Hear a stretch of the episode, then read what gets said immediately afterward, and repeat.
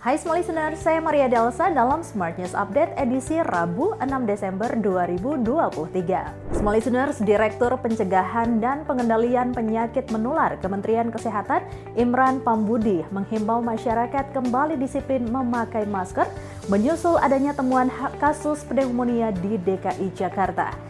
Ia menyampaikan hingga saat ini Kemenkes masih mengonfirmasi berapa jumlah pasien yang dirawat kepada Dinkes DKI Jakarta dan berdasarkan informasi terbaru dari fasilitas kesehatan yang menangani pasien mengalami gejala ringan dan sedang dirawat jalan.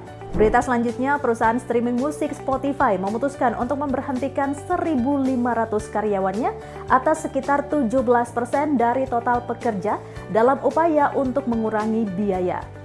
Ini adalah kali ketiga Spotify melakukan pemutusan besar-besaran di tahun ini. Pada Januari, perusahaan mengumumkan akan melakukan PHK terhadap 6% staf atau sekitar 600 karyawan. Kemudian pada Juni diumumkan bahwa akan memangkas 200 peran tambahan dari divisi podcastnya. Berita terakhir, Otoritas Jasa Keuangan melaporkan masih terdapat tujuh perusahaan asuransi yang berada di pengawasan khusus OJK sampai Desember 2023. Kepala Eksekutif Pengawas Perasuransian Penjaminan dan Dana Pensiun OJK, Ogi Prastomiono mengatakan, lima perusahaan asuransi telah mengajukan rencana penyihatan keuangan pada OJK. Sementara dua perusahaan asuransi masih dalam pengawasan khusus.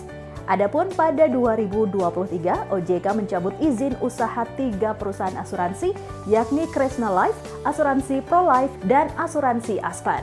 Demikian berita hari ini, sampai berjumpa dalam Smart News Update berikutnya.